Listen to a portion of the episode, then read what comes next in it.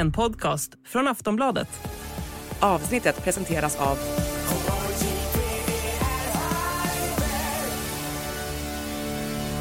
Stödlinjen.se, åldersgräns 18 år.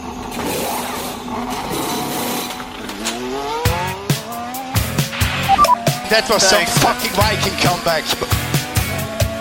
Debris uh, behind. There's something strange with the engine. I need a new test after that. What the, what the?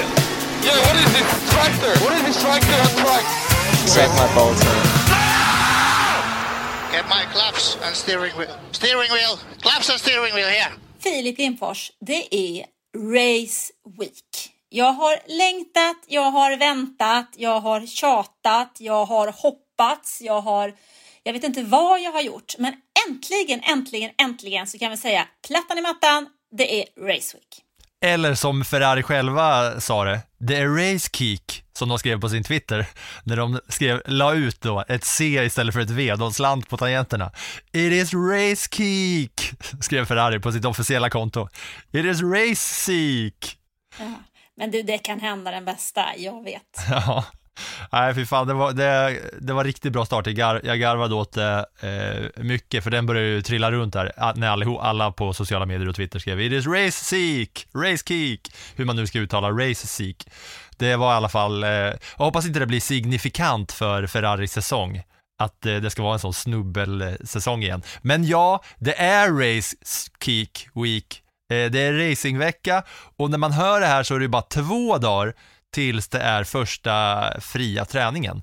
Då båda förarna ifrån alla team ska få vara ute samtidigt i sina nya bilar. För det har de inte fått på testerna som vi kommer prata om.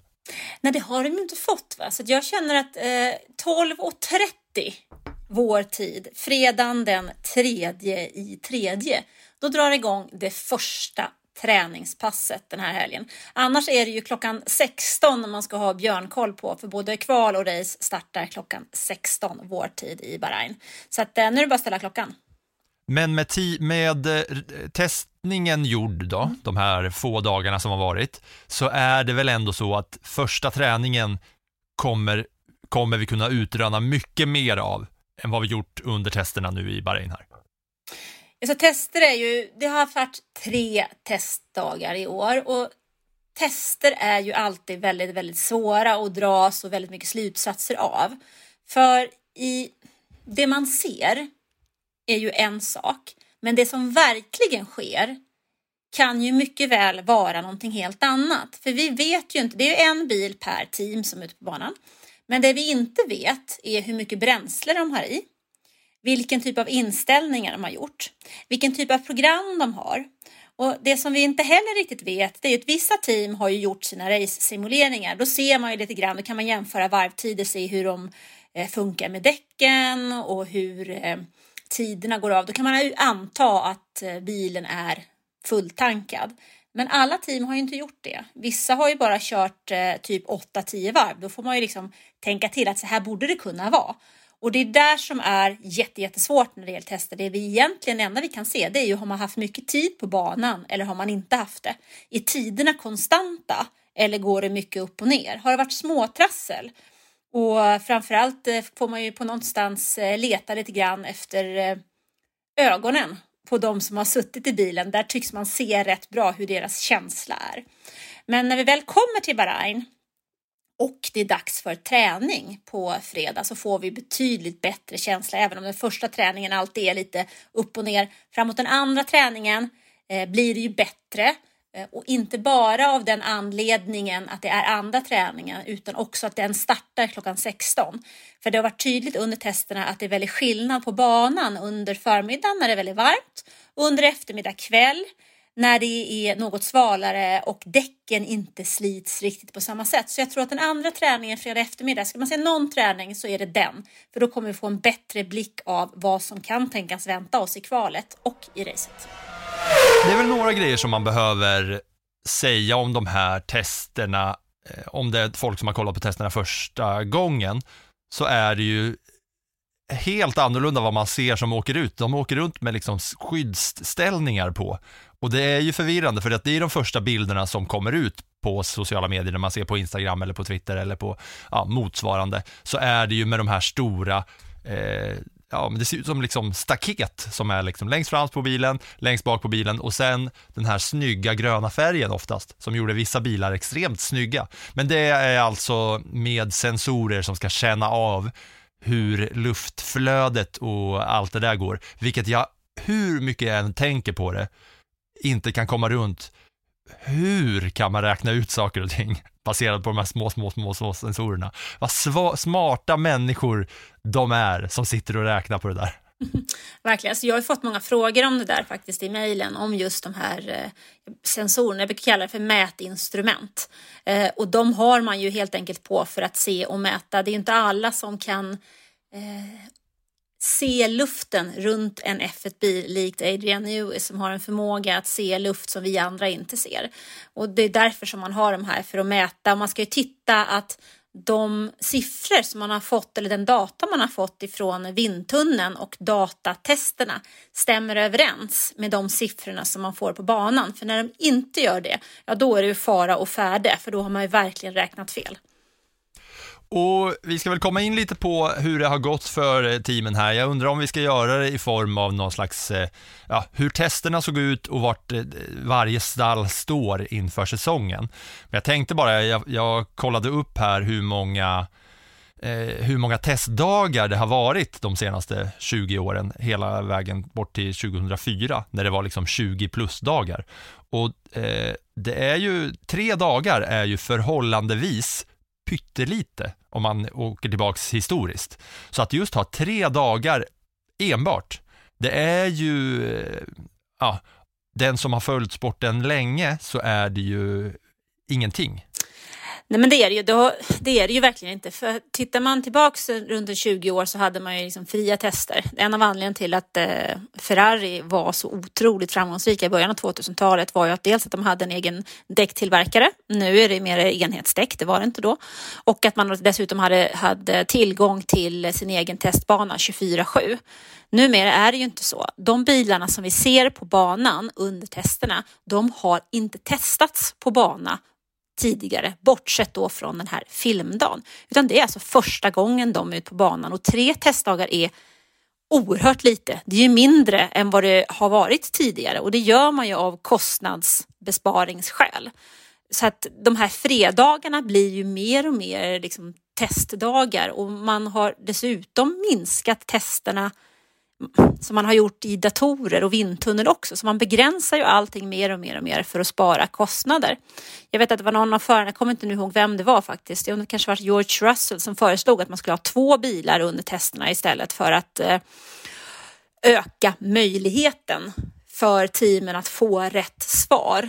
Ehm, och det förstår jag verkligen att de vill ha för alltså en och en halv dag per förare det är ju ingenting. Alltså tänk att en fotbollsspelare skulle ha en försäsong som bestod liksom av eh, typ eh, 14 timmar på planen och resten på en träningscykel. Alltså folk hade bara skrattat åt dem. Just det där tycker jag är så jäkla roligt om man jämför då med andra sporter för att det är ju så himla unikt att man bara får ett par dagar på sig, eller ett par timmar liksom, eh, på sig att träna.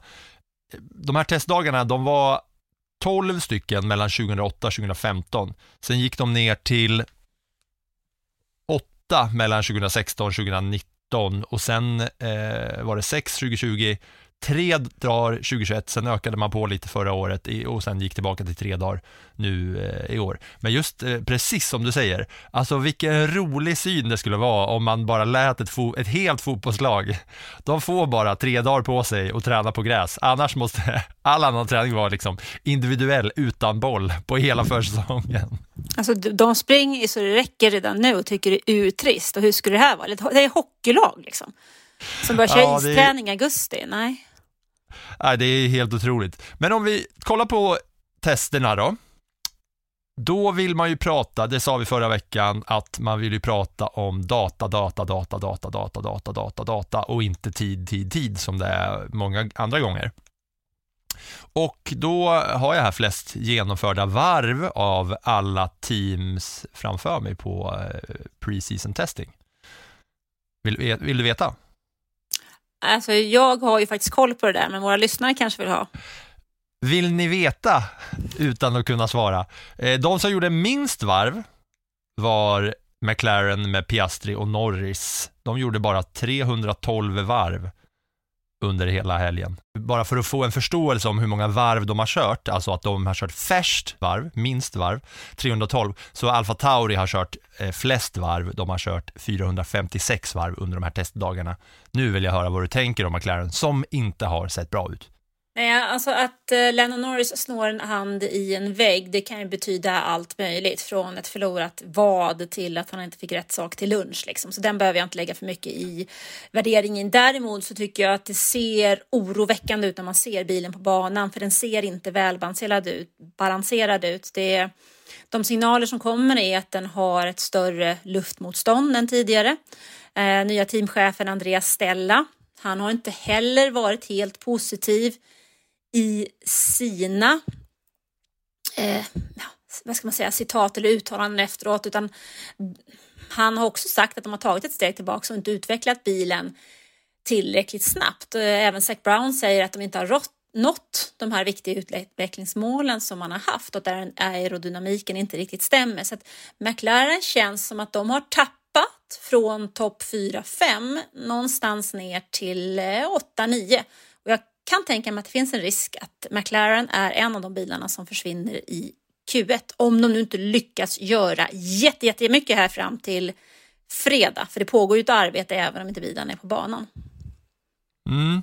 Och just att de, de körde minst antal varv, 312, Eh, och föraruppställningen inför i år är ju, som vi har koll på nu efter den stora kontroversen, eh, Oscar Piastri och Lando Norris, där det kommer vara så att Lando Norris är ju super eh, första förare där. Piastri fick köra flest varv av de båda, 170 mot Norris 142. De var inte långsammast. Alltså, nu när vi kommer prata om de här teamen, Eh, så ska man väl säga att alla gånger vi uttalar oss om tider så är ju det med brasklappen, man ska inte säga så mycket om tiderna på testhelgerna och test, eh, ja, inför säsongen. För att eh, just det där som du sa precis innan, att det finns så mycket som, eh, som spelar in kring hur snabbt de kör. Men det är vad vi har, så vi måste ju eh, på något sätt eh, radda upp vilka som har kört snabbast och vilka som har kört långsammast och sådär. McLaren körde minst antal varv, men de var åttonde snabbaste team efter att alla tester var gjorda och eh, den tiden var det Norris som satte av de båda. Men ja, det såg ju inte alls bra ut för McLaren. Inför säsongen då, vi kan inte ha för höga förväntningar på McLaren då första helgen. Nej, men jag tycker inte man ska ha det, utan eh, McLaren känns ju som att eh, de har haft en jobbig vinter. De har inte riktigt fått ordning på det som man har velat kring bilen och det är oroväckande att se, oavsett tider eller inte. Det var många andra saker under testerna med alltså uttalanden i bilen på banan och så vidare som har gjort att eh, nej, de har inte övertygat. Sen kan det hända saker.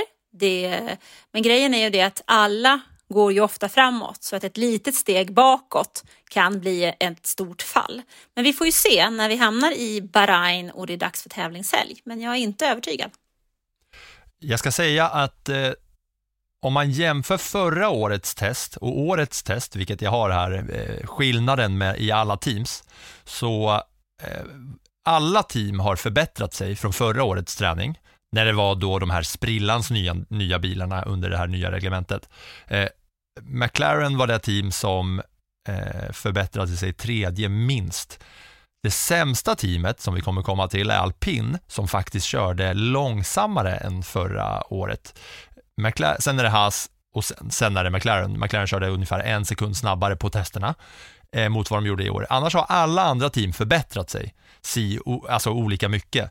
Eh, och det blir ju intressant när man eh, då kollar på den här och ser att alla har kört bättre utom alpin som körde långsammare under testerna. Men de har ett litet speciellt, eh, en liten speciell testhelg att eh, snacka om, men det tar vi när vi kommer dit. McLaren alltså tre, trea från slutet när det, när det kom där och eh, tredje snabbaste varvet, vi snackar ju liksom hundradelar och tusendelar när vi eh, jämför alla team. Liksom.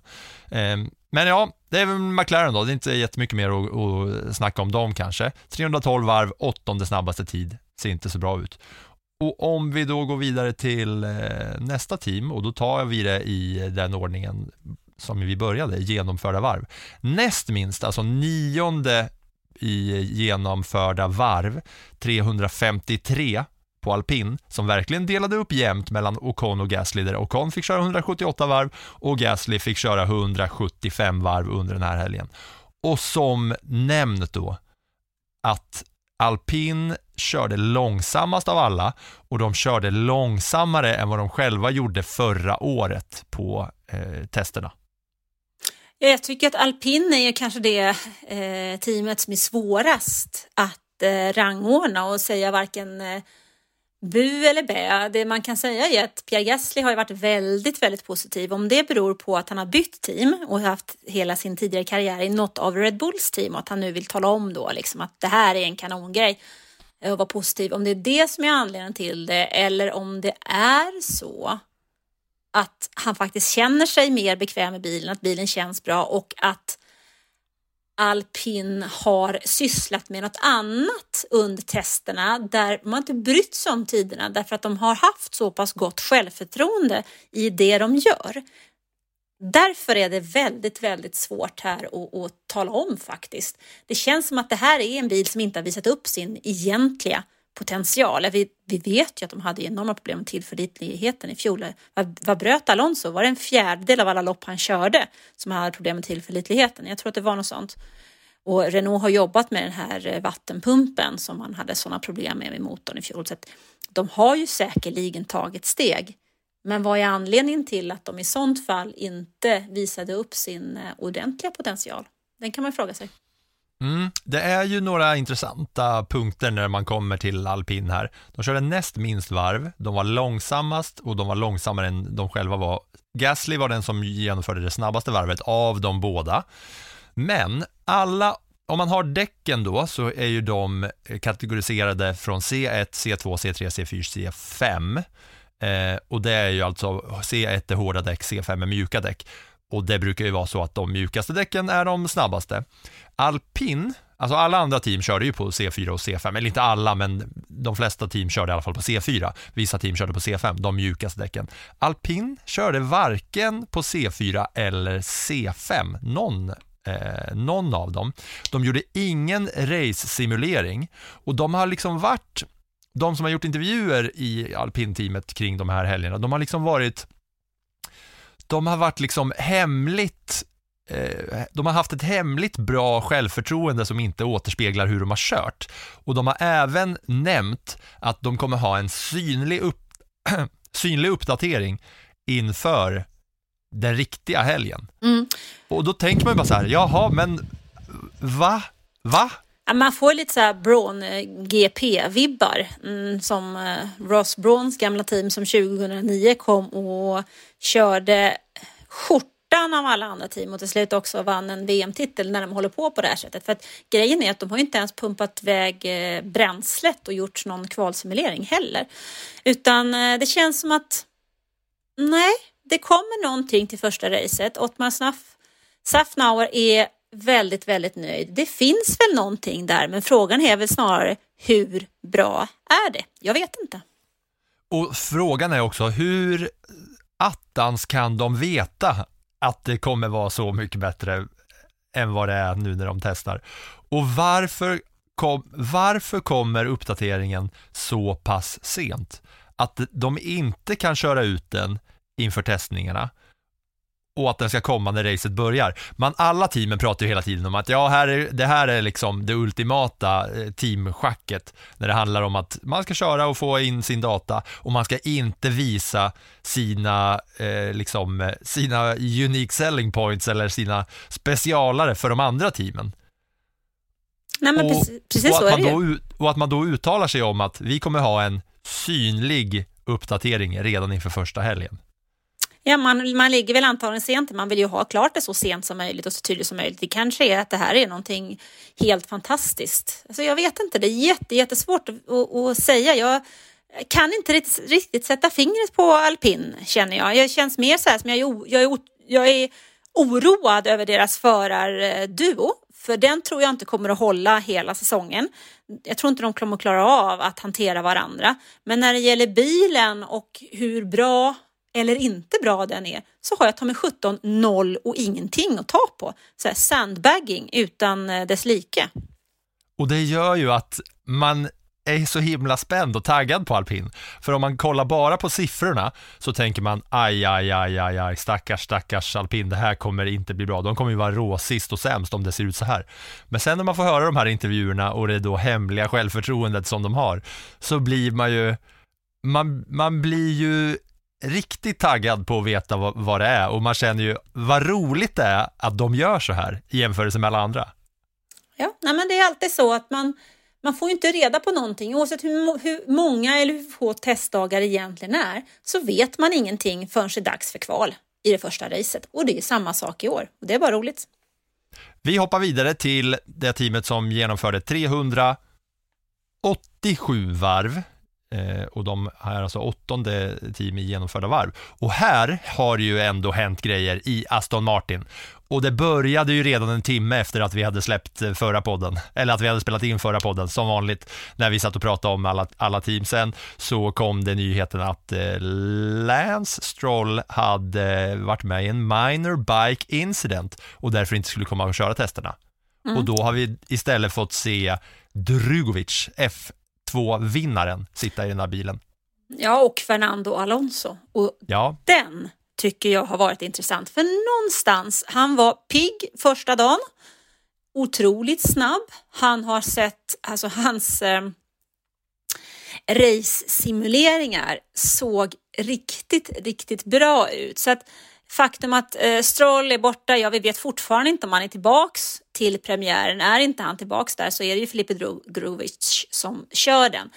Men Aston Martin tycker jag känns som eh, testets stora överraskning. Alltså han var ju, Alonso var hack i häl på Verstappen under den första dagen och han imponerade i de här konstanta tiderna under race-simuleringen och det kändes inte som att det var något större däckslitage heller att prata om. Så det där känns lite spännande faktiskt. Mm. Ja, det är ju en hel del just Aston Martin känns ju, alltså om jag eh, liksom får utgå från det själv så är jag ju mest nyfiken på alpin på grund av det här hemlighetsmakeriet. Sen är det ju Aston Martin för att det är så många olika parametrar här. Vi har eh, Lance Stroll som då har eh, ramlat på cykeln. Man vet inte vad det är han har gjort, om han har brutit handlederna eller om det är nyckelbenet eller om han har skrapsår på hakan.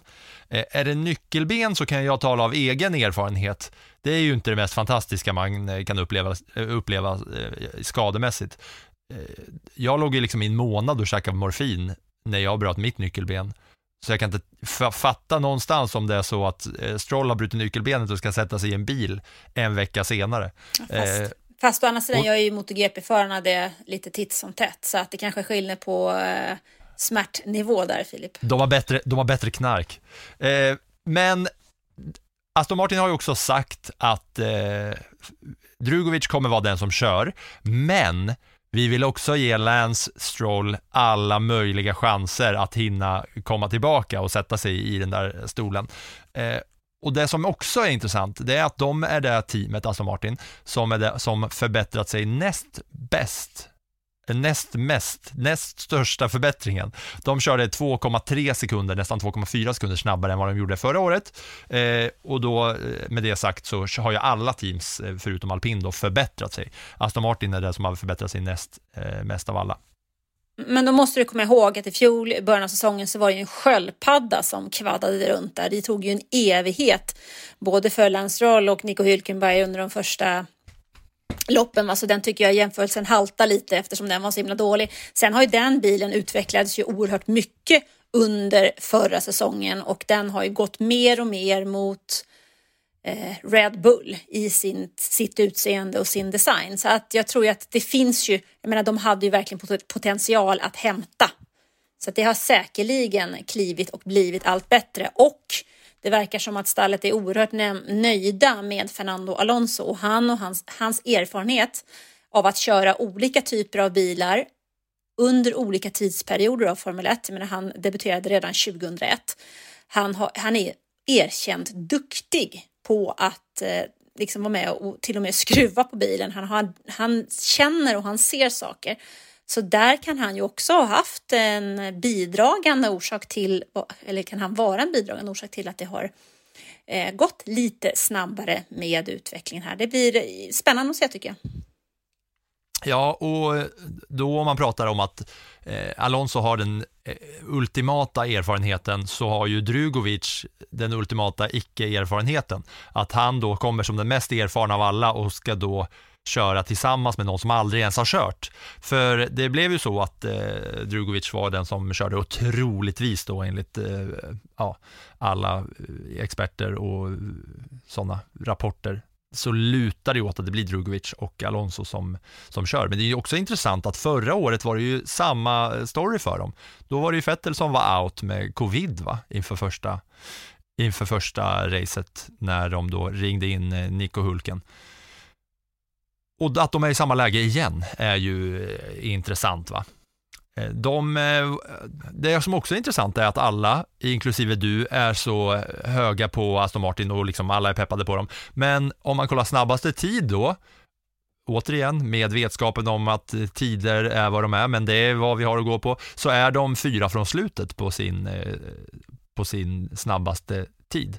Något som Alonso var den som satte. Men ändå är det så många som pratar om att Aston Martin ser så himla, himla fantastisk ut. Ja, men de, man, du får ju, man får titta också lite grann på här. um, Alonso satte, satte ju, tittar man på första testdagen så var han bara 300 delar efter förstappen. Sen kan man ju ha haft annorlunda program efter det och det jag framförallt tittar på här så är ju den, den konstant, alltså han var så himla jämn i sitt sätt att köra. Han tappade Tappade nästan ingenting. Vissa andra eh, tappade ju väldigt, väldigt mycket tid efter ett par varv för att däcken slet så himla mycket och det gjorde inte han. Och det tycker jag är, är någonting som är spännande. Sen så är det väl alltid så, Alonso, ja men det är väl lite en viss eh, gloria kring honom ändå. Man vet ju liksom att med Fernando Alonso så vet man lite grann vad man får. Man får ju någon som eh, är otroligt sugen på att köra bil, som tar poäng när bilen håller, men också någon som är oerhört tjurig om han inte får som han vill. Och i det här konceptet så jag vet inte, någonstans jag kan naturligtvis ligga helt fel, men det finns någonting i detta som känns väldigt spännande. Ja, jag håller med, för om det är någon som ni har sett test, göra försäsongstester så är det ju Alonso också. Så alla experter som har sett F1 genom alla år, de har ju något, de har ju liksom data att ta av när det kommer till Fernando Alonso. Något mer inför den här säsongen, vad tror du då Anna om första racet här då med eh, uppsättningen i Aston Martin? Alltså, vi vet ju inte, det är helt omöjligt, eftersom vi inte vet vad det är som har hänt med Lance Stroll så har vi ju ingen aning. Eh, men eh, jag sätter mina pengar på att oavsett vem det är som sitter i den andra bilen så kommer eh, Alonso vara den som är snabbast i det mm. teamet. Ja, det blir ju spännande att se, men det man ska ha med sig då, om det nu blir Drugovic, så är det ju han som har vunnit F2 alltså. Om det är så att Lance Stroll Eh, har brutna handleder eller skrapsår på hakan som man har ett bamseplåster på. Så han har ju tävlingskapaciteten och eh, racefarten som förare. Sådär. Men sen är det ju som alla säger att det är sån stor skillnad på F3, F2 och när man väl kommer upp till Formel 1 att det är sån stor skillnad. Och då tänker man att då kanske det spelar roll med erfarenheten. va? Ska vi gå vidare? Ja, men det tycker jag.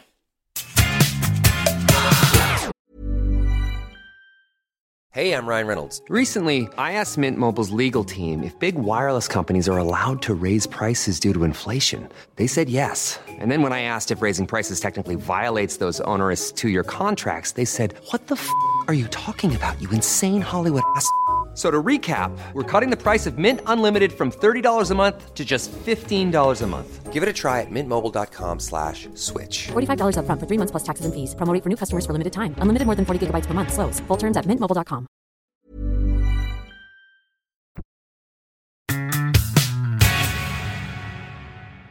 Då tar vi nästa team på antal genomförda varv som är Mercedes som körde 398 åtta varv med Hamilton som genomförde ett 220 och Russell som körde 178 varv. Och de eh, placerar sig alltså näst snabbast av alla eh, varv som kördes. Och det är eh, då i Mercedes var det Hamilton som körde det snabbaste varvet för dem och det är bara eh, några hundradelar långsammare än Red Bull som var snabbast. Ja, men det som jag tycker ändå att det känns lite oroande faktiskt från Mercedes sida, för de tappade massor med tid med George Russell. De fick eh, hydraulikproblem om jag inte minns helt fel. Eh, en och en halv timme tappade man på det och eh, rapporterna säger att det var lite krismöten i teamet efteråt. Man fick jobba nattskift för att få ordning på detta och det var inte alls, även om den här porpoisingen verkar ha blivit betydligt bättre så Inte borta än va?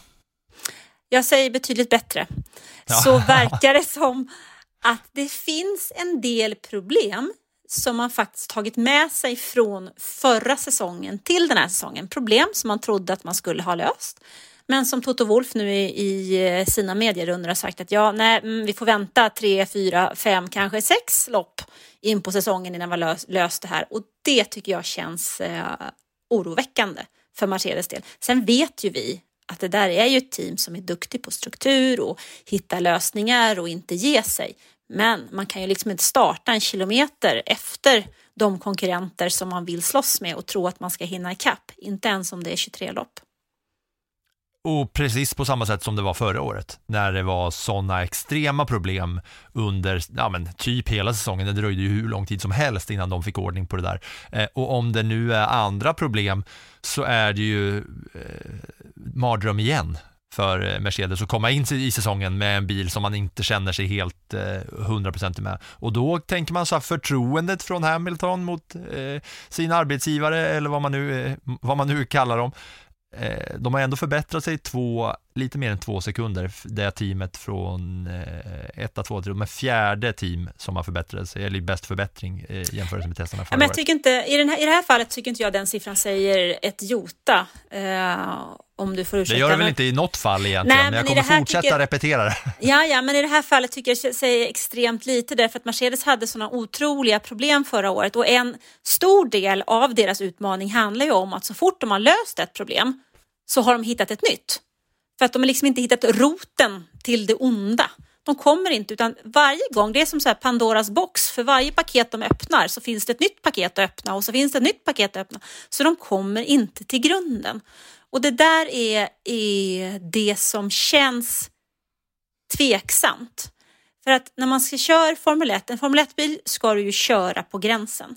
Och som förare måste du ha förtroende för bilen så att du vågar köra den på gränsen och vet vad som händer. Du måste veta att gör jag så här så händer det här. Gör jag så här så händer det här. Och problematiken i det här fallet när det gäller Mercedes, det är ju att de inte vet. Förarna vet ju inte vad som händer om de gör en sak. Och det är därför som och då famlar man till slut i blindo liksom, eh, i alla inställningar och i det jobb man gör. Då spelar det ingen roll hur erfaren du är.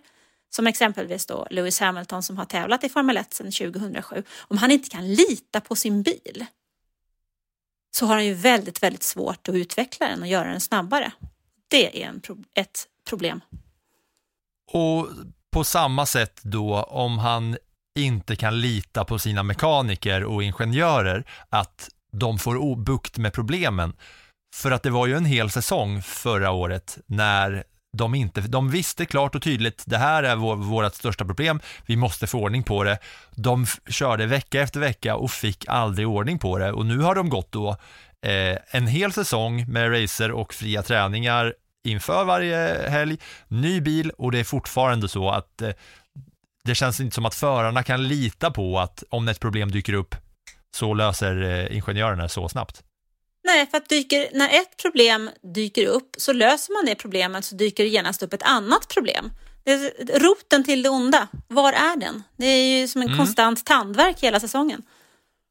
Och Toto Wolf får vänja sig vid att sitta i sin ovana roll som inte eh, toppteam och ledande. Att eh, han, får liksom, han fick lära sig förra året hur det kändes att vara jagare, hunter, jäga, att vara jagande team och nu får han, eh, som det verkar då, allt vad det verkar, fortsätta i samma sits, eller hur?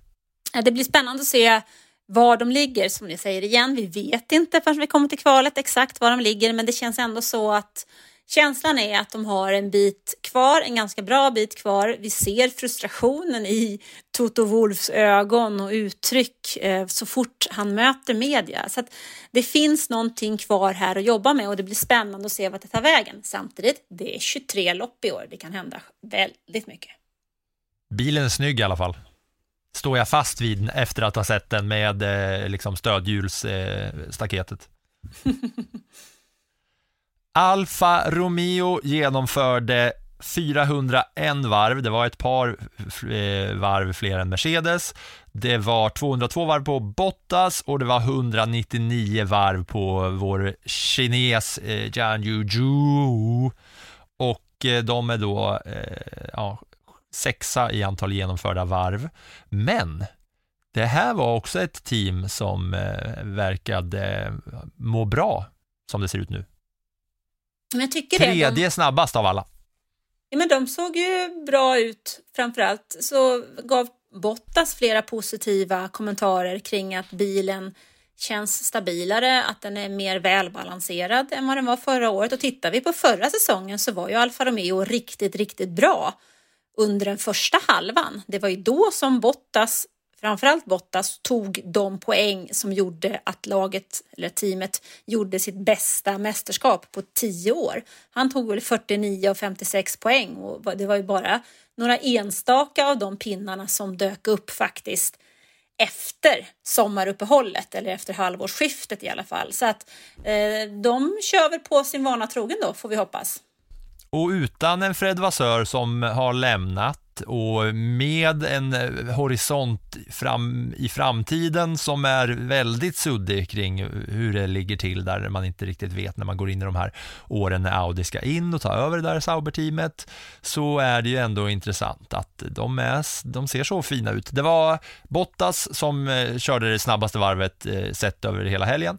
Dag två så var Joe snabbast av alla och det fick väl folk att lyfta på ögonbrynen lite grann. Men ja, ja, jag vet Anna, återigen, man ska ha ett varningens finger med att det kanske var han som testade racesimuleringen medan de andra testade något annat. Så är det, men faktan visar på att så var det. Han var snabbast av alla och han då som rookie har även ett eh, år i bagaget av körning. Ja, men han gjorde ju ingen dålig säsong i fjol, eh, Joe. Tycker jag inte. Så att, eh, det blir spännande att se vart de eh, landar. Vi går vidare till nästa team då på genomförda varv. Då är vi på eh, femma. Det var Red Bull som lät sina förare köra nästan exakt lika mycket, 413 varv totalt, 209 på Perez, 204 på Verstappen. De hade varsin dag där och så delar de på mittendagen. Och Red Bull då, såklart, känns det som att man kan säga, snabbast av alla. Perez var snabbast eh, av, eh, ja, av eh, förarna i, i, Red Bull och ingen annan hade något att säga emot och det som det pratas om nu det är ju att eh, ja, de, eh, de gasar på Red Bull.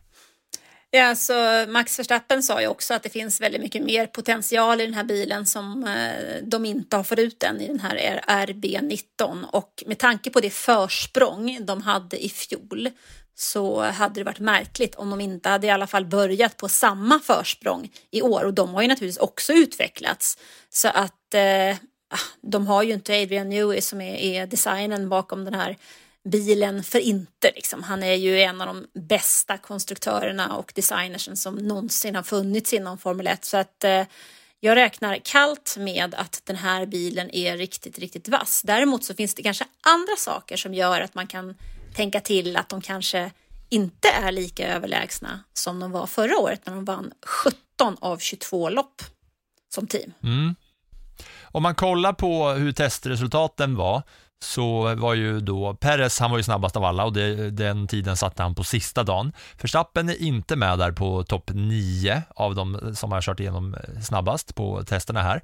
Och om man jämför Sergio Perez tid 1.30.305 om man jämför det med kvalet i Bahrain förra året så är det snabbare än Charles Leclerc som tog pole på 1.35.58. Och men det, det- tycker jag ändå är lite sant på testerna redan.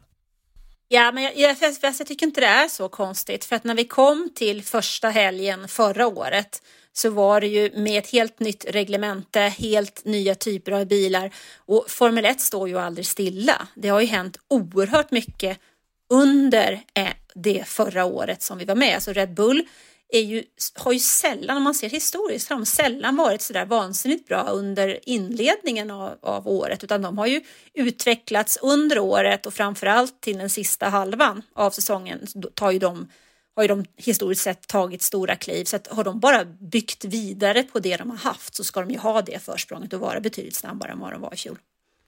Men med det sagt så är det, känns det som att det är klart och tydligt att det kommer gå ganska mycket snabbare generellt sett under hela säsongen. Om det här är vart vi står nu och vart man stod när kvalet eh, började förra året när, och bilarna utvecklades under hela året och nu är det nya bilar och sen kommer de ju fortsätta gå snabbare och snabbare.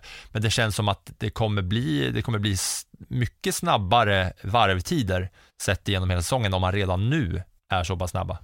Mm, jag håller med. Och det var som sagt, det var Perre som satte snabbaste varv, Verstappen eh, syntes inte till där, men- vi kan ju väl eh, lita blint på att det är Verstappen som kommer köra snabbast när det börjar eh, närma sig. Det som var lite kul att tänka på är ju att förra året så hade ju Red Bull en bil där båda gav upp när det närmade sig målgång i, i första racet. Där först Verstappens bil av och sen när motorn la av på Perres bil. Ja, men det var som sagt förra året, nytt reglemente och sen den usla starten så hämtade de ju hem det med eh, rejäla marginaler. Ja. I teamet som genomförde fjärde flest varv så är det Haas och de gamla lumpapolarna Nico Hulkenberg och Kevin Magnussen som körde 414 varv. Eh, Magnussen var den fick, som fick köra flest, 218. Hulkenberg fick köra 196. Och de här två eh, ja, lumpapolarna, de eh, ser inte helt eh, fruktansvärda ut. Magnussen var den som körde snabbast, de var sjätte snabbast av alla. Jag tror ju inte att det kanske är... Alltså i fjol så var ju Haas bil väldigt snabb i kvalen och sen så dalar den ju rejält under racen. Um, nu så såg den väl kanske också helt okej snabb ut uh, med tanke på den snabbaste tiden, tiden då av, av eh, uh, Magnusen där. Men sen får vi se vad de har lyckats lösa för att få ihop ett bättre race. De eh, kommer väl klara sig något bättre om de har en förare in till Magnusen som inte gör... Eh, mm, Säg det, säg det, säg det. som inte kraschar sitt material under första halvan av säsongen konstant. Ja, ja, för han eh, har vi inte fått eh, se röken av, även om det tisslades och tasslades om att eh, Mick Schumacher kanske skulle vara den som skulle få ersätta Stroll. Det har varit lite snack om lite olika förare där. Men Haas, en annan grej som, alltså om man som man har upptäckt inför testerna, det är att de har minskat antal platser i vad heter det Anna, där de sitter, där ingenjörerna sitter i depårakan med sina datorer. Alla teamen har ju jättelånga med tio platser i varje, men Haas, de har en pytteliten box nu med bara tre platser och Günther Steiner hävdar att det ska spara dem 250 000 dollar att ha ett mindre depå crew. Vad, vad, vad heter det, det jag söker efter? Alltså jag, du pratar väl om eh, eh, pitwall, eller hur? Pitwall, the pitwall, depåväggen. Ja, Ja, jag, bruk, jag brukar säga jag depå, depådesk brukar jag säga. Det känns lite mer tidningsmässigt. Men, Ja, men eh, den jag pratar om. ja du, är det där han ska spara sina pengar? Ehm, mm, Och lägga på Jag vet. bilen istället. ja, det är väl bra om han lägger pengarna på bilen istället, men någonstans så... Alltså jag har tappat lite känslan för denna skrikiga man. Jag vet inte. Jag är inte Mm. helt ehm, övertygad. Ja, eh, jag tycker att det är spännande ändå med, det, med att, de, att de gör det där, för att eh, om man jämför då, man så, alltså jag har sett några bilder där de har bara haft alla teams ovanpå varandra bara och det ser ju så himla litet ut och så skämtade Günther Steiner om att han hade en enmans eh, depå-wall också, där han Mm, skulle ja, men sitta han- ensam. Han vill Men väl vara just- ensam, tänker jag. Han Ja, skulle nog vilja, ja, men han skulle nog vilja ha det så. Ja, han skulle nog verkligen vilja ha det så att han är där och han tar besluten, men frågan om det blir, är, blir så mycket bättre.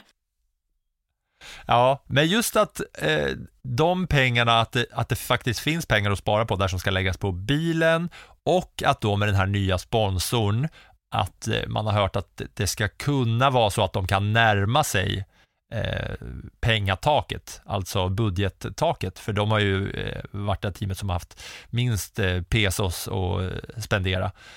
Men nu att de ska kunna närma sig lite mer och att de ändå eh, har då två rutinerade förare. Man vet att Magnusen gjorde det bra väldigt många gånger förra året innan bilen gav upp. Och eh, ja, Hulken har svårt att placera känsla, känslomässigt. Ja, alltså det är ju ändå tre säsonger sedan Nico Hülkenberg körde full säsong i F1. Det har ju hänt en lite, han sa själv nu att ja, men ge mig ett par racehelger så är jag där på max igen. Alltså ibland så känns det för mig som att Haas är lite grann, alltså det är mycket väsen för ingenting liksom. Vi får se, jag, jag känner lite grann, vi får se vad den här eh, på tyska säger man Wundertüte, alltså ungefär som eh, en, en ja men liksom, det, det, kan vara liksom en påse fylld med allt möjligt. Det kan lika gärna vara fylld med guldpengar som den är fylld med luft. Och i nuläget så känner jag att vi får se lite grann vad den här eh, påsen innehåller. Wundertüte. Wundertüte. Mm. Önsketuta. Wundertüte. Ja, inte tuta, utan tute är ju eh, påse. Helt tuta. Enkelt. För mig blir det tuta. Wundertüte. Undrar hur en Wundertüte låter? Ja, det beror nog på vad den innehåller. Är, är det Günther Steiner så kanske den är fylld av svordomar, vem vet? Ja, det får man väl baske mig räkna med att det är så. Vi går vidare till eh, Ferrari som genomförde 416 varv. Sainz körde 217 av dem, 199 på Leclerc och eh, de eh, placerade sig fyra och femma i snabbast genomförda varv med Leclerc som körde lite snabbare än Sainz i eh, deras SF23 eller vad det nu heter, Ferrari va? Mm. Precis, det som jag kan tycka eh, är lite knepigt där. Vad jag såg kunde jag inte upp, eh, uppfatta någon form av race-simulering utan man körde liksom ett ja, 10-12 varv sådär och sen så eh, var man in och, och, bytte igen eller i depå. Eh, det som var lite oroväckande där var att man tappade väldigt, väldigt mycket fart i slutet av de här längre stinterna. Nu gjorde man det, de här stinterna när det var förhållandevis varmt ute. Vi vet ju inte hur mycket bränsle de här bilarna hade ombord, ingen aning. Vi vet att det var varmt ute. Det påverkar däckslitaget. Det som då är lite oroande är ju hur mycket däck äter den här bilen egentligen? Hur ser däckslitaget ut? Det som kanske kan vara en fördel för Ferrari är ju att de här första racen under säsongen faktiskt går eh, på kvällstid. Det är ingen strålande sol varken i Bahrain eller i Saudiarabien. Kanske kan det hjälpa dem lite, men för att man såg att de låg närmare Ferraris tider, eller närmare Red Bulls tider under eftermiddagen. Men det som är lite sådär frågetecken som jag ser det är i alla fall det här med däckslitaget. Och det var ju en sån grej som var genomgående förra året också, att de hade mer downforce och därför drog det mer på däcken, vilket gjorde att eh, när det ska köras långa lopp i värme så har de det svårare. Och deras bil såg ju bra ut förra året vid den här tiden och det var mycket snack om det. Eh, nu åkte de igenom utan eh, jättemycket märkvärdiga saker. De förbättrar sig 1,38 sekunder och var fyra från botten i, i förbättring. Mm, jag vet inte riktigt om, eh, om Ferrari. Det var inga, eh, inga mirakel och inga utropstecken som var superstora. Det är mer, eh, som du säger, det här med däcken blir ju spännande att, att följa helt enkelt hur, hur det ligger till. De är i alla fall jämna som vanligt, Leclerc och Sainz. Eh, som det verkar. Det är inte så att den ena ser otroligt mycket bättre ut än, an, eh, än den andra, även om Leclerc var den som tydligt var bäst förra året. Nu är det bara tre stall, två stall kvar och eh, de som körde näst flest varv var Williams som körde 439 med den nya Logan Sargent som körde 229 varv eh, och eh, med eh, Alex Albon som körde 210. Och de är det team, Williams, som har förbättrat sig mest i jämförelse med förra året. Av alla team som eh, körde testerna förra året och i år så förbättrade de sig mest och det var 2,30 2, 3, 7, 8 sekunder.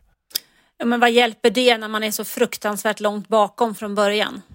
Ja, de, eh, trots att de förbättrar sig mest så är de fortfarande näst långsammast och de som endast var det team som var långsammare var ju alpin då som, Mm. ja, som sket i Äh. allt. Ja, nej, men så jag tänker att de där kommer nog, tyvärr, Williams, eh, det är ett klassiskt team. Jag gillar ljudet av Williams på något sätt eh, med tanke på den historia som det stallet har. Men jag tror att James Bowles som eh, nu har klivit in där som ny stallchef från Mercedes har väldigt, väldigt mycket att jobba med och steg ett måste vi kanske vara att ta fler än vad de där åtta poängen man tog förra året.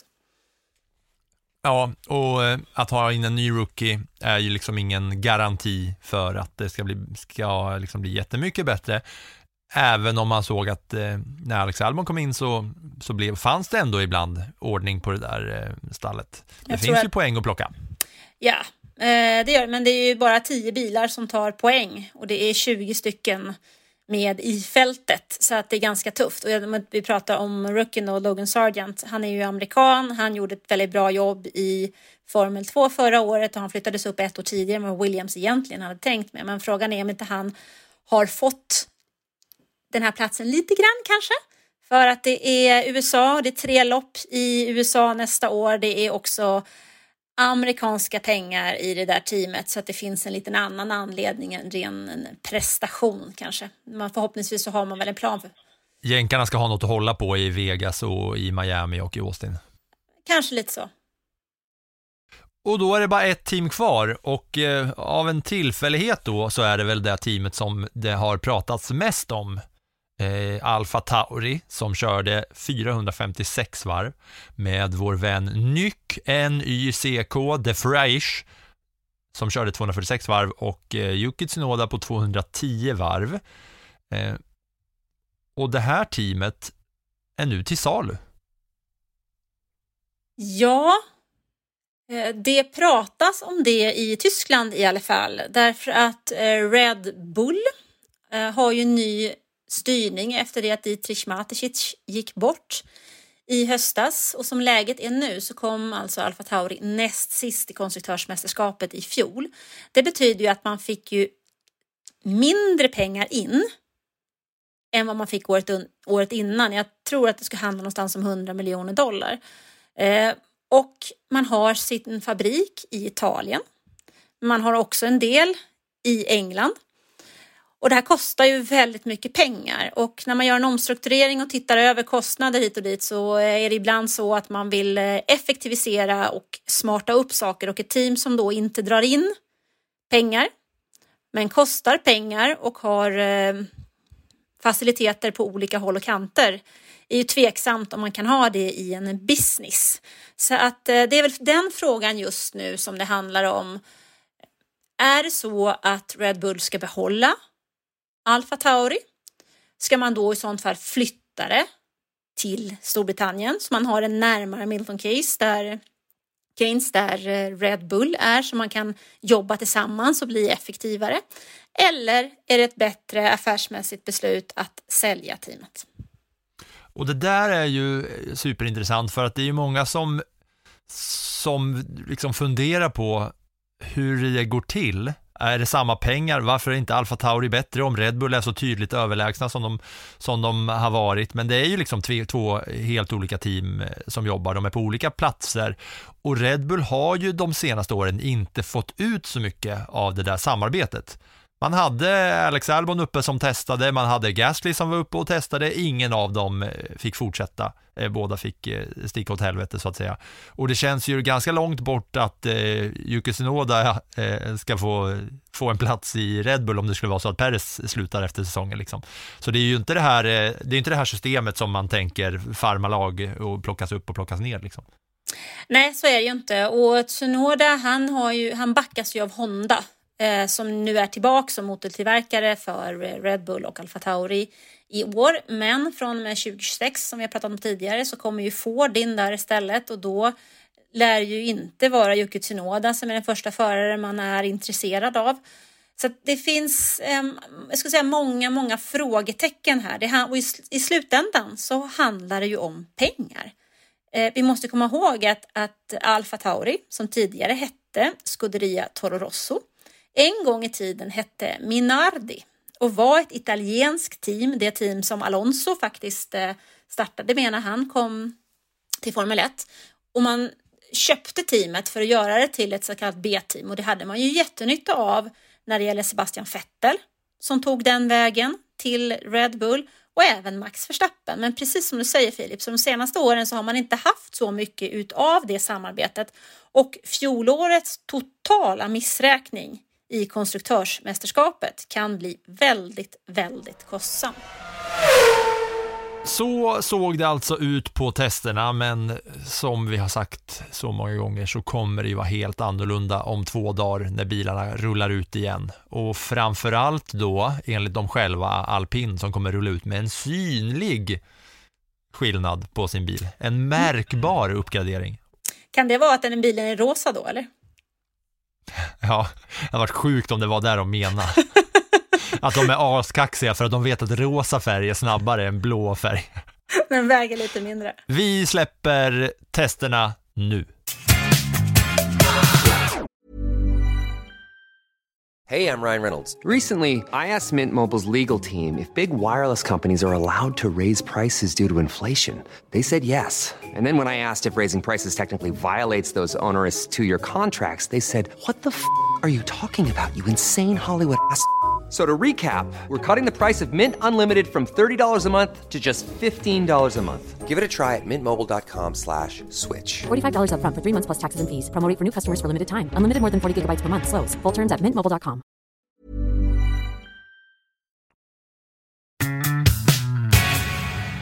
Och som då en tradition, eftersom att det var ett år sedan vi spelade in och den här långa traditionen eh, är redan etablerad va, så ska vi eh, göra så att jag kommer med lite påståenden här inför säsongen. Det var det vi gjorde i vårt allra första avsnitt Anna eh, och nu är det avsnitt 51 här och inför säsongen så kommer jag med påståenden inför eller om alla teams och eh, du bemöter dem då så får vi, så eh, får vi se vart vi hamnar. Vi gick ju igenom dem när säsongen var slut och både du och jag hade ju en del ställen som var mycket on point och mycket off point. Jag tänkte bara tillägga att jag har inte sett de här påståendena innan så att det är inte så att man kan kolla upp någonting direkt utan det är bara att skjuta från höften. Jajamän, och vi får ju räkna med att vissa är vetenskapligt eh, backade och andra är helt ur hållet på magkänsla och på konstig feeling.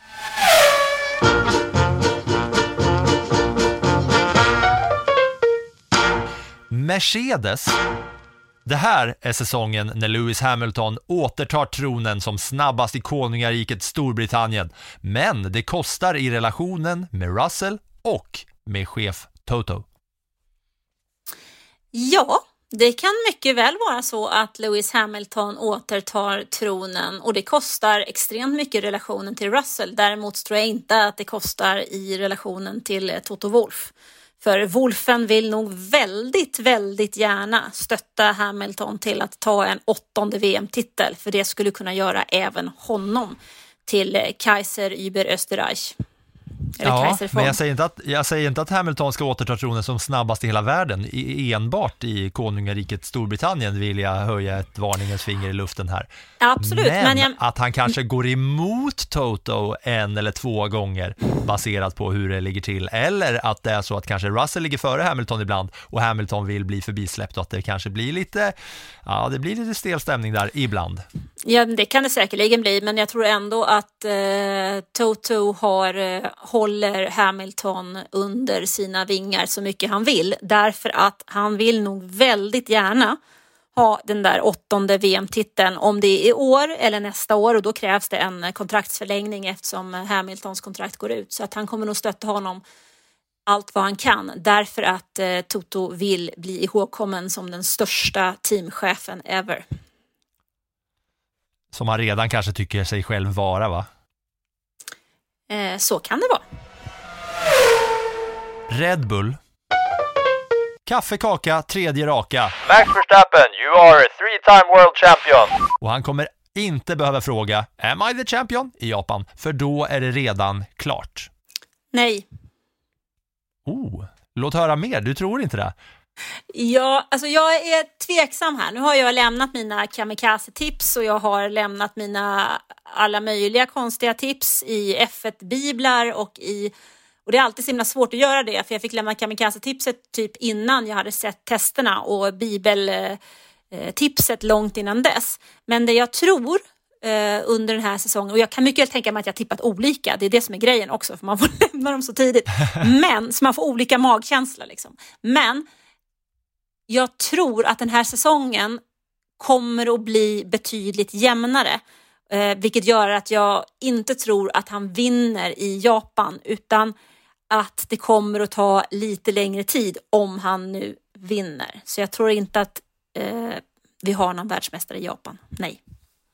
Spännande, för det jag hävdar här är ju att eh, han var ju överlägsen förra året och det som hävdas här i mitt påstående är ju att han ska vara ännu mer överlägsen den här säsongen.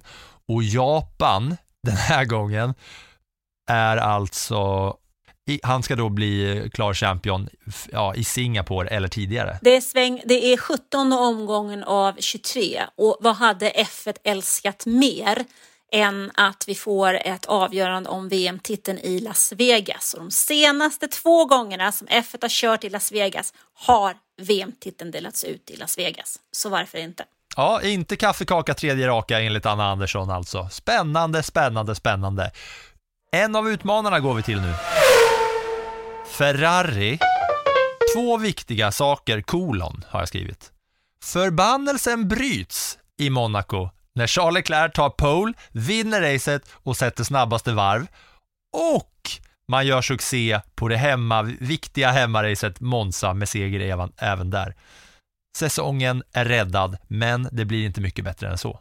Den där förbannelsen tror jag definitivt bryts i år. Det hade den gjort redan i fjol om de inte hade klantat till sig sådant i Monaco. Så att eh, jag tror nog att alltså Ferrari måste lösa sina interna problem i år. Eh, Fred Vassör, det är väl egentligen hans enda uppgift som ny teamchef. Det är att hitta en struktur och se till att det fungerar. Sen om det räcker till VM-titeln, det är ju en annan sak, men jag tror nog att Ferrari kommer att vara med längre i, fjol, men jag tror, i år än vad de var i fjol. Men det framförallt så handlar det om att de måste hitta ett sätt att arbeta tillsammans. Vi kan ju inte se såna här klantigheter som i Monaco eller på Silverstone när de har en förare som är på väg och kan jobba om VM-titeln och så låter man den andra vinna på något sätt för att de ska tävla mot varandra. De har inte råd att göra det och det tror jag att Fred Vassör som är en eh, racer i grund och botten är mycket väl medveten om. Plus att han är faktiskt inte italienare, han är fransman. Så han har inte hjärtat på samma sätt utan han kan vara lite mer iskall. Mm. Så förbannelsen bryts i Monaco alltså och jag tänker ju att med tanke på Ferraris då eh, påstådda downforce och problem med däcken så kommer de vara bäst på stadsbanorna trots eh, att Sergio Perez historiskt är också en bra förare där. Men att just på de här eh, långsammare banorna, eller man ska säga stadsbanorna, eh, så kommer Leclerc och Ferrari göra det bra ifrån sig. Mm, det är inte omöjligt. Då går vi till Aston Martin.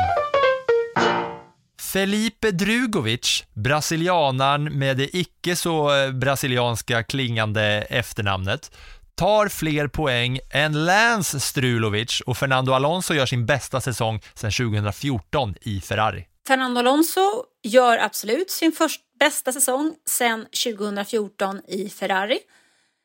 Eh, däremot tror jag inte att eh, Filipe Drugovic tar fler poäng än Lance Stroll. För han kommer inte köra så många race i år utan eh, Stroll kommer att komma tillbaks och plocka några enpoängare här och var. Jag är tveksam till om eh, Drugovic får så mycket mer än ett race.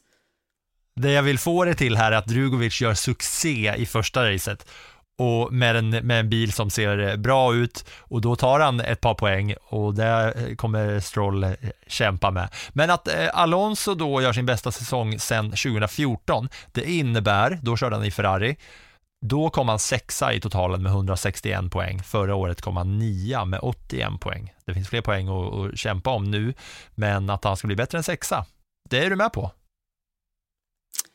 Ja, jag tror nog att det kan bli en. Jag tror nog att han kan... Eh, jag, så här.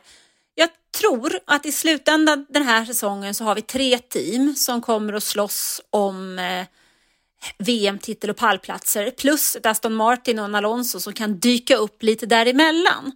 Och när det blir en tight kamp så kommer de andra teamen att tvingas till att bestämma sig för vilken förare som de ska satsa på. Och då kan nog Alonso, han är ju fortfarande skurken i Formel 1, smita in och eh, sno lite poäng här och var. Alltså det är väl helt tråkigt om jag bara sitter här och är välkammad hela tiden. Jag måste väl eh, sticka ut hakan någon gång, eller? Minst sagt, det ska du göra så ofta det bara går, Anna. Ut med hakan. Ja, Vi går till alpin. Innan race 6 på Imola så är Gasly och Ocon uttalat rivaler och har flera gånger på ett eller annat sätt sett till att den andra av dem tappar poäng. Du är ändå rätt snäll som ger till race 6. Ja, jag, jag skrev race 2 först, men så tänkte jag, äh, men eh, det måste ta lite tid och att de ska flera gånger innan race 6. Inte bara en gång, utan Nej, men- flera gånger ska de ha sett till att, varandra, att den andra tappar poäng. Ja, men det är väl inte helt otroligt. Och att de är uttalat rivaler, att båda då har uttalat sig negativt om den andra innan eh, Imola. Genom att inte säga någonting kan man ju också vara rival, eller? Ja, ja, absolut, absolut. Det är jag helt med på. Vi går till Alfa Tauri. Köps av Andretti innan säsongen är slut. Sunoda får kicken och en jänkare blir klar för nästa säsong. Colton Herta tänker du på. Det är väl inte alls eh, omöjligt. Det där kan nog mycket väl vara så faktiskt. Och, och det kommer vi, tror du att man får reda på det inom liksom den närmsta framtiden eller är det så här, mot slutet av säsongen som man får reda på Alltså, det- framtiden hur det är för dem? Det är ju så här att fram till och med den 30 april så ska man ha ansökt om man vill bli en del av F1 och det får max vara 12 team. Och vad jag vet just nu så är det väl tre team som har visat intresse och Andretti är väl det som har varit tydligast i sitt intresse och som dessutom eh, har en stor bas att stå på ett, ett, ja, ett land med en stor eh, potential bakom sig.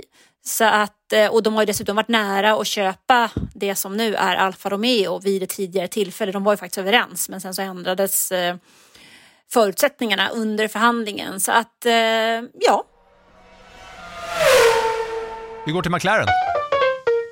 Daniel Ricciardo får lite upprättelse när det visar sig att bilen inte bara är svårkörd utan även att man den här säsongen inte kommer ta sig till Q1 en enda gång. är Q1 säger du. Q3 menar du väl?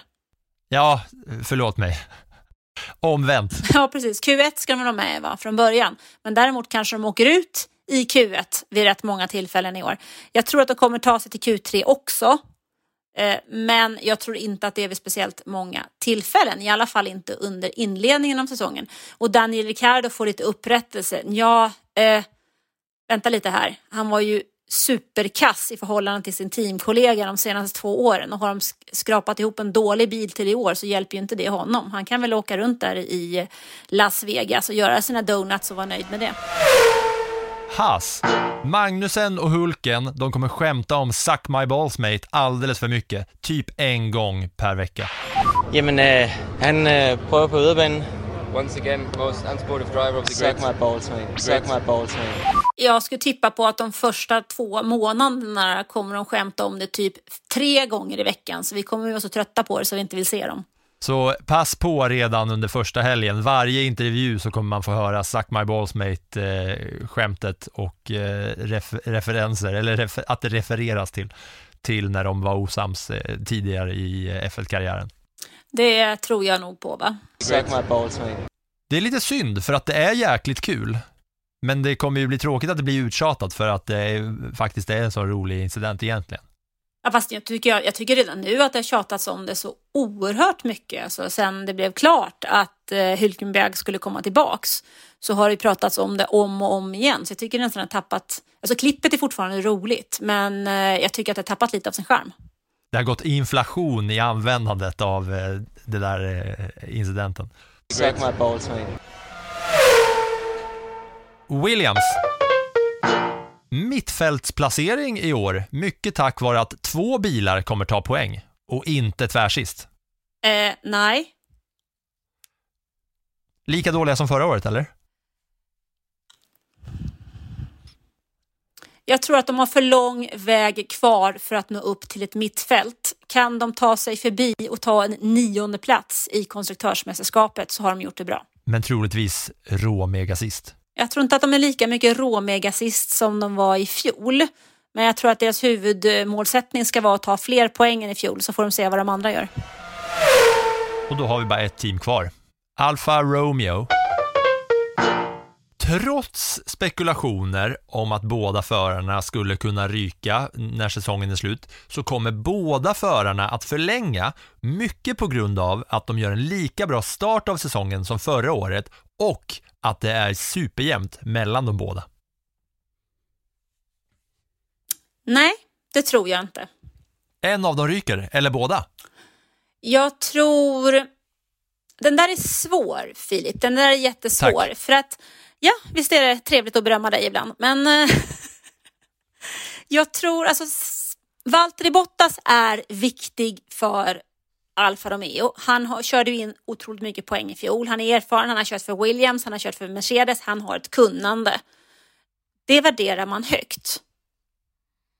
Joe, å andra sidan, han har ju en helt annan marknad i ryggen och han har riktigt viktiga finansiärer för Alfa Romeo som vill sälja bilar i Asien.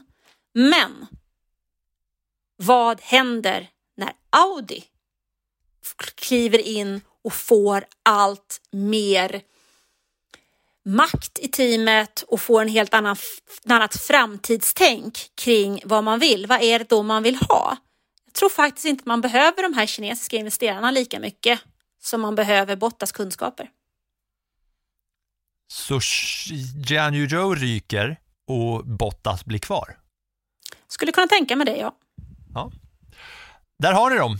Påståendena inför säsongen som jag tänker att eh, jag ska leva på en liten stund i alla fall.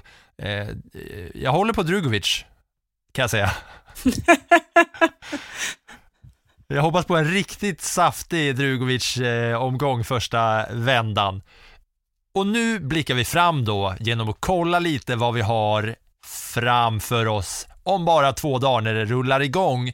Men framförallt kval och race i Bahrain. Ja, vad har vi framför oss? Bahrain International Circus. 5,4 kilometer. Vi ska köra. International Circus. Ja, det är också sant att det är ju en internationell cirkus där. Ja, det- precis. Det är precis Ja. just det det är. Du fattar min Förlåt. felsägning. Ja, du menade det. Jag vet. Kör. Precis. 5,4 kilometer, 57 varv ska förarna köra. De kör med sol så de har ungefär 400, de har 400 meter till den första kurvan. I fjol var det en trestoppsstrategi som var den vinnande. Och eh, Charles Leclerc vann från pole position. Carlos Sainz var tvåa. Precis som du sa, tidigare så bröt ju båda Red Bulls bilar. Lewis Hamilton trea, George Russell fyra och Kevin Magnussen tog en femte plats i sin Så comeback. vilket var otroligt då. Otroligt var det ju. Ja, och sen fick han ju till en pole position senare under året, men det var den största stora grejen. Vi hade Valtteri Bottas sexa, Ocon sjua och Tsunoda åtta för ett år sedan. Tittar vi på den här banan så har Hamilton faktiskt tagit fem segrar, Leclerc en, Verstappen noll. Ja, det är första racet på säsongen. Det är ju såklart eh, någonting där, men det är ju också något att de nu har kört alla de här varven. Att om det är någon bana som man har då färskt i minnet, nu kan ju alla de här förarna banorna utan till. Man har sett liksom Perez köra blindfolded med, med en ratt på en bana genom att bara lyssna på motorerna och så vidare. Men att de kommer in så färskt med den här banan i, i ryggen. När de har kört om man tänker Alonso som har liksom bränt igenom 270 varv. Han var den som körde flest varv av alla under testerna. Så eh, är det ju också extra intressant eh, där. Va? Men just att det kommer hända mycket grejer. Det blir, jag tänker också att det blir nytt för förarna att gå från testerna när de inte har då, för att liksom dölja saker och ting för varandra, att nu ska bilen maxas. Det blir ju nytt för dem också. Ju. Tänker du det? Alltså de flesta grabbarna där har ju hängt på några år så att de har väl björnkoll på vad som är träning och tävling. Ja, men just med, just med det här med alla förändringar och bilen, ja, ja, mm, det, är, det är någonting i alla fall. Förra året var det ju ett av eh, årets höjdpunkter, det här racet.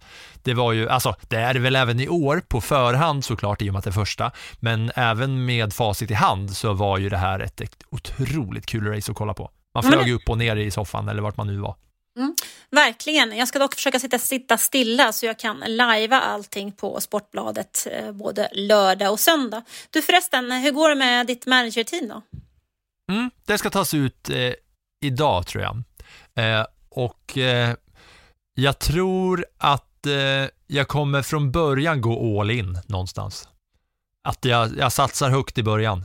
Det får liksom bära eller brista direkt. Jag ska inte vara liksom jämn, fördela pengarna. Jag tar nog de billigaste och de dyraste istället för att liksom blanda eh, liksom, eh, logiskt och eh, ja, jämnt och fint.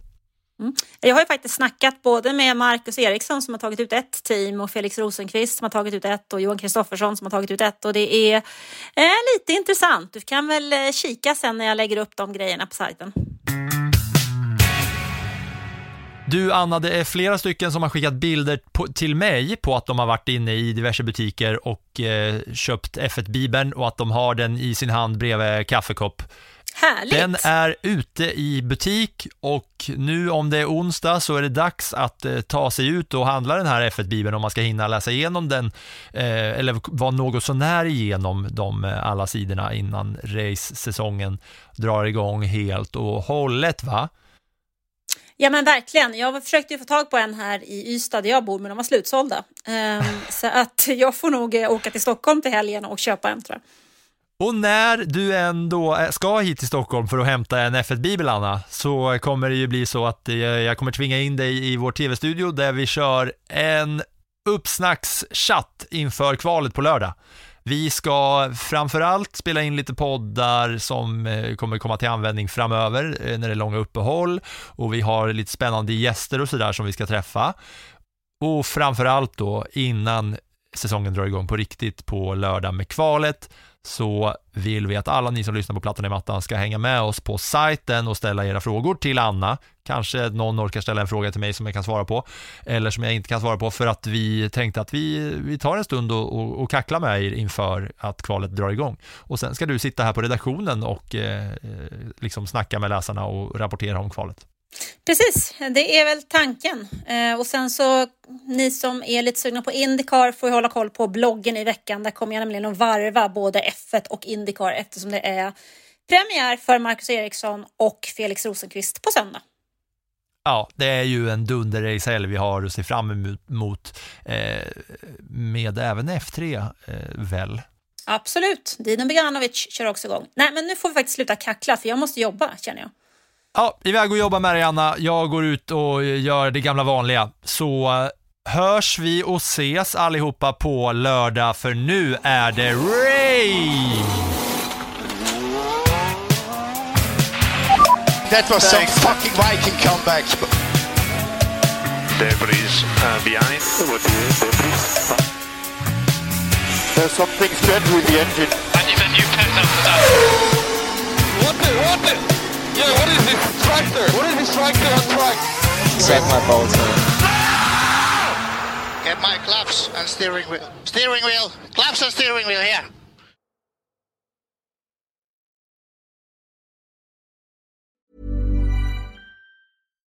Botox Cosmetic, out of botulinum toxin A, FDA approved for over 20 years. So, talk to your specialist to see if Botox Cosmetic is right for you. For full prescribing information, including boxed warning, visit BotoxCosmetic.com or call 877-351-0300. Remember to ask for Botox Cosmetic by name. To see for yourself and learn more, visit BotoxCosmetic.com. That's BotoxCosmetic.com.